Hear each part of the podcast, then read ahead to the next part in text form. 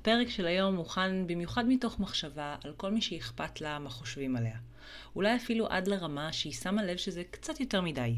קצת יותר מדי מעיק, קצת יותר מדי מנהל אותה ואת הבחירות שלה, קצת יותר מדי מטריד אותה ומייצר סיטואציות שבהן היא לא ממש עסוקה בלחוות את החוויה או בלשאול את עצמה איך היא מרגישה, אלא בעיקר מנסה לנהל את הרושם שהיא יוצרת ואת המחשבות של האחרים עליה.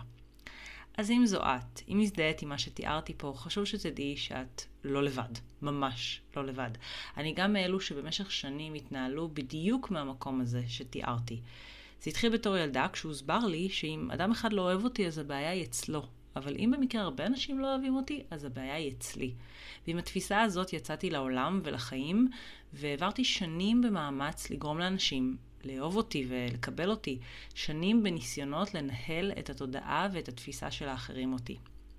אז הפרק הזה הולך לדבר על ניהול תודעה של אחרים, שזה משהו שאנחנו מנסות הרבה פעמים לעשות במעגלים ובקבוצות חברתיות שחשובות לנו. בין אם זה חברים, קולגות לעבודה, אנשים שעוקבים אחרינו באינסטגרם ובפייסבוק, או כל מקום אחר שבו לא נוח לנו לשחרר ולאפשר לאנשים לחשוב עלינו מה שבא להם. פתיח קצר ומתחילות. היי, אתן מאזינות לפודקאסט קפיצה קוונטית, ואני נועה גורן, המנחה של הפודקאסט הזה.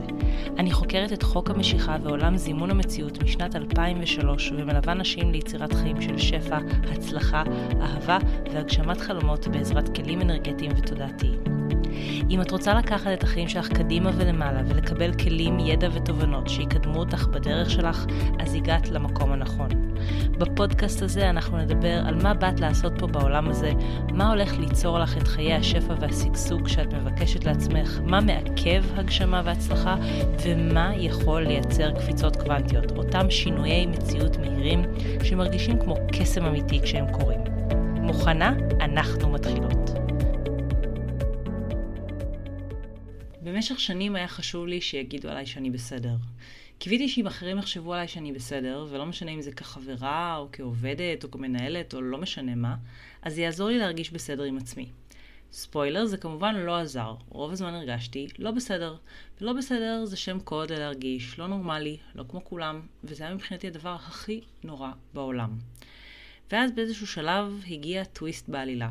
התעייפתי. כל הניסיונות האלה לשלוט במה שאחרים חושבים ואומרים עליי, הוציאו לי את המיץ. ושם התחיל המסע שלי לשינוי. המעבר מהמקום שבו כל החלטה וכל פעולה שלי מושפעת ממה יחשבו, מה יגידו, אל המקום האותנטי, המקום שבו אני עושה בחירות מתוך הקשבה פנימה. המסע הזה לא היה קל, ואם גם את נמצאת בו, אז אני מקווה שתקבלי ממני היום כמה כללים וכלים שיעזרו ויחזקו אותך בדרך שלך. כי מעבר לזה שזה מעייף לחשוב כל הזמן על מה אנשים אחרים חושבים, זה גם חוסם שפע, מוריד אנרגטית, ויכול לחבל בהגשמה שלך בכל כך הרבה תחומים. אז עכשיו כשהבנו את המוטיבציה, ולמה כדאי להוריד לפעמים את רמת האכפתיות למה שאחרים חושבים עלייך ומה שהם יגידו, אני רוצה שנייה לעצור ולתת כבוד למנגנון שבעצם אחראי לאכפתיות הזאת מלכתחילה. ברמה הבסיסית ביותר אנחנו יצורים חברתיים. ההשתייכות שלנו לקבוצות שונות היא חלק ענק ממה שמגדיר אותנו כבני אדם, ולכן הפחד שקבוצה שאנחנו משתייכים אליה תדחה אותנו, זה פחד ממש הישרדותי. האדם הקדמון לא היה יכול להרשות לעצמו שהקבוצה שלו תדחה אותו, כי היכולת שלו לשרוד בלעדיה הייתה נמוכה מאוד. גם היום, ותקופת הקורונה הבהירה את זה היטב, הצורך שלנו כבני אדם להיות חלק מחברה הוא צורך חזק מאוד. אז איך זה בעצם שאני יוצאת היום כביכול נגד המנגנון הזה? ומה האלטרנטיבה? אז בואי נתחיל מלהגיד שלפעמים לא קל להבין שהדברים פה באים אחד על חשבון השני. שהרבה פעמים המחיר של לצאת בסדר עם אחרים הוא לצאת לא בסדר עם עצמך. לפעמים כשאכפת לך מדי ממה שאחרים חושבים, את בעצם בפועל תוותרי על חלקים מעצמך, חלקים חשובים, אינטגרליים, אבל כאלה שאת תופסת אותם כלא רצויים או לא נחשקים. חלקים שיכול מאוד להיות שאם היית להפך מסכימה להם, מקבלת אותם, מחבקת אותם, אז היית באופן טבעי מושכת אל החיים שלך קבוצות חדשות של אנשים שהתחברו אל מי שאת באמת. לשמחתך, את לא האדם הקדמון, ויש לך אופציות. ובואי ניקח דוגמה שדרכה אפשר יהיה להבין את זה יותר טוב. אם את משדרת, נגיד, שאת אדם שבטוח בעצמו, ועליז וקליל באופן טבעי, למרות שבבסיס שלך את בהרבה סיטואציות חסרת ביטחון, ובטבעי שלך את קצת יותר כבדה וקצת יותר רצינית. אז מה זה אומר? שתצליחי לזייף עד שבאמת תתמלאי בביטחון ובקלילות? ממש לא בטוח. מה שכן בטוח, זה שאם יש אדם שתצליחי לגרום לו לראות אותך כקלילה וכמלאת ביטחון עצמי, אז במוקדם או במאוחר הכבדות וחוסר הביטחון יזלגו החוצה. ובין אם זה יהיה נטו שינוי אנרגטי, או שזה ממש יגרור שינוי בהתנהגות שלך, זה יורגש. וכשזה יקרה, בצד השני את תמצאי אדם מופתע שלא מבין מה קרה פה. ייווצר איזשהו דיסוננס, ולפעמים זה יגרום לך ממש למשבר אמון מול האדם הזה, שגם אם הוא לא יתייג את זה כהצגה או כהשמטה של חלקים ממך, הוא עדיין ירגיש לא נעים. והבעיה ממש לא מסתיימת באי נעימות. אם מישהו בבסיס שלו מחפש אנשים כלילים ומלאי ביטחון, יכול מאוד להיות שהוא לא ערוך להתמודד עם אדם שהוא קצת יותר כבד וקצת יותר רציני, ויש לו נקודות של חוסר ביטחון.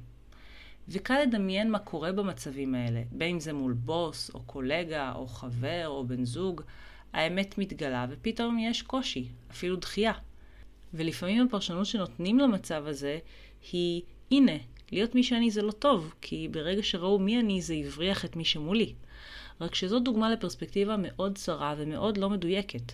הפרספקטיבה היותר מדויקת היא שמלכתחילה לא הייתה התאמה בינך לבין אותו אדם. ואם מראש היית מביאה את עצמך בצורה אותנטית, אז כן, כנראה לא היית ממגנטת את האדם הזה אלייך. אבל היית ממגנטת כן את אלו שמתאים להם המיקס הייחודי שהוא את.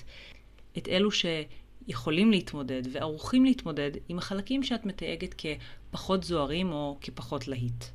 ווואו, איזה כיף זה כשמקבלים אותך כמו שאת. אז אם כבר זיהית על עצמך שאכפת לך, אפילו יותר מדי, מה אנשים חושבים עלייך. התרחיש הזה שתיארתי כאן הוא הדבר הראשון שכדאי לזכור כשאת מתלבטת איך להביא את עצמך לעולם ואל סיטואציות שבהן חשוב לך מה יחשבו עלייך.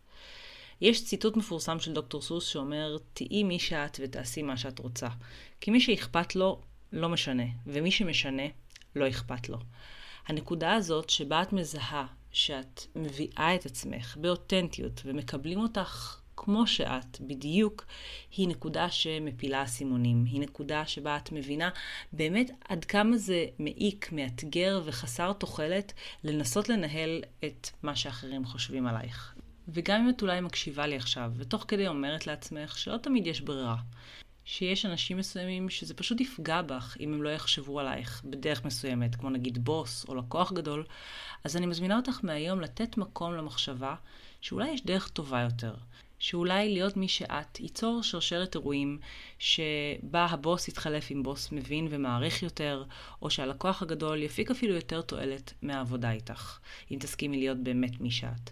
לא תמיד את תדעי מראש מה יקרה כשתסכימי להיות מי שאת ולשים פחות דגש על מה שאחרים חושבים, אבל תמיד להסכים להיות מי שאת יביא אותך אל מקומות שנכונים ומדויקים לך יותר. והדבר הבא שאני רוצה לתת לך להמשך הדרך שלך זה את הכלי של מתן הרשאה. מתן הרשאה לאנשים אחרים לחשוב עלייך מה שהם רוצים. והסיבה שכדאי לתת את ההרשאה הזאת היא כי ממילא אנשים בתוך הראש שלהם יחשבו עלייך דברים שאין לך שום שליטה עליהם. וברוב המוחלט של המקרים את בכלל לא תדעי מה הם חושבים, א', וב', כל מה שהם חושבים מגיע מתוך המסננת הייחודית שלהם, של אמונות ותפיסות ומחשבות. האמת היא שברוב המקרים יש לזה מעט מאוד קשר אלייך. אז אם משהו בכל מקרה הולך לקרות, הדבר הטוב ביותר שאת יכולה לעשות עבור עצמך זה להסכים לזה ולשחרר את זה. בהפוך על הפוך, אנשים נוטים לחשוב דברים טובים יותר דווקא על מי שלא אכפת לו מה חושבים עליו. כשאת רוצה שאנשים יחשבו עלייך דברים מסוימים, זה עובר באנרגיה, גם אם את לא אומרת כלום, וזה יוצר לחץ. ולעומת זאת, כשאת נותנת בינך לבין עצמך את ההסכמה לזה שכל פלוני וכל אלמוני יחשוב מה שבא לו, זה משחרר אותם, זה משחרר אותך, וזה יוצר חוויה אנרגטית הרבה יותר נעימה ביניכם. אז בפעם הבאה שאת מזהה שמטריד אותך מה מישהו אחר חושב עלייך, תעצרי לרגע. תזכירי לעצמך שאם תסכימי להיות את, את תהווי השראה גם עבור אותו אדם להיות הוא. את תרגישי יותר טוב, יותר משוחררת, את תמגנטי אלייך כתוצאה מהאנרגיה הגבוהה יותר, דברים טובים יותר, ואם מי שאת ייצור בינך לבין אותו אדם ריחוק, אז מלכתחילה כנראה שלא היה מדויק עבורכם להיות קרובים, ושסביר להניח שמישהו מדויק יותר יגיע אל חייך במקום. אז תודה רבה שהאזנת לפרק הזה. אם אהבת את מה ששמעת, אני הכי אשמח בעולם אם תשתפי ותדרגי ותעבירי הלאה למי שהתוכן הזה יכול לעזור לה. ואם את עדיין לא עוקבת אחריי באינסטגרם, אני מחכה לך שם. חפשי אימון בזימון כדי לקבל ממני ים של תוכן, הדרכות וטיפים על איך לעשות קפיצות קוונטיות וליצור את החיים שאת רוצה בקלילות ובהנאה. זה הכל בינתיים, ואנחנו נשתמע בפרק הבא.